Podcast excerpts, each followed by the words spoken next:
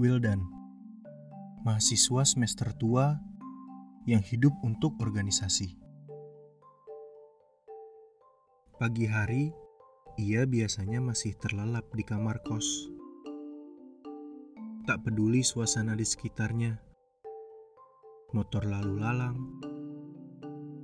ibu kos menyapu, teman berteriakan, atau genteng roboh. Tidak ada yang bisa mengganggunya, kecuali saat ia harus datang ke kelas. Hanya ujian tengah dan akhir yang bisa membangunkannya. Itu pun harus menginap di ruang sekre kampus. Siang hari, ia rutin berjemur di bawah pohon rindang. Tempat yang cukup jarang ditongkrongi teman-temannya. Ia butuh waktu sendiri buat mengumpulkan nyawa sembari mencari-cari kesibukan. Sesekali, ia membaca buku yang tak pernah tamat dari zaman dulu. Menuju sore, ia menyegerakan diri pergi ke kantin untuk bercengkrama dengan teman-temannya. Tidak ada yang tak kenal Wildan. Sudah jadi legenda dia. Ia biasa bergabung dengan orang-orang yang sudah jauh di bawah tingkatnya. Karena hanya tersisa hitungan jari mahasiswa dari angkatan yang sama. Itu pun karena alasan mengurus keluarga, sibuk bekerja, atau terlalu asik main-main. Hanya Wildan yang masih tinggal tanpa alasan. Ia biasa diminta nasihat dan masukan dari para junior. Wildan nyaman membina dan memberikan saran untuk adik-adiknya. Ia juga kerap diundang ke acara-acara kampus untuk sekedar datang dan membuat ramai.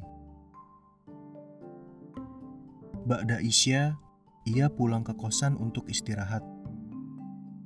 Biasanya langsung selonjoran di kasur kapuk saat tidak pegal, ia langsung mandi, biar tetap melek semalaman. Menjelang tengah malam, Wildan dan teman-teman kosan nongkrong di kucingan. Mereka mengisi perut dengan nasi dan gorengan. Tidak jarang, Wildan langsung pergi ke kampus untuk pindah tongkrongan. Ia senang menyambangi adik-adiknya di ruangan sekre kampus tertawa sambil sedikit berbagi cerita. Di tengah keasikan mereka, Wildan mengalami sesak yang tak tertahankan. Semua orang di ruangan panik. Dua orang segera lari ke parkiran untuk memanaskan mesin motor dan menunggu di depan pintu masuk. Tiga orang membopong badan cungkring Wildan. Mata Wildan berkunang-kunang selagi melewati setiap lantai gedung, lewat beberapa kenangan. Kericuhan tubuh Wildan berhenti. Gerakannya hilang. Tenaganya pergi. Nafasnya terhenti. Ia terbujur di tengah gendongan teman-temannya. Para adik-adik menghentikan langkahnya. Tenaga mereka pun hilang secara misterius.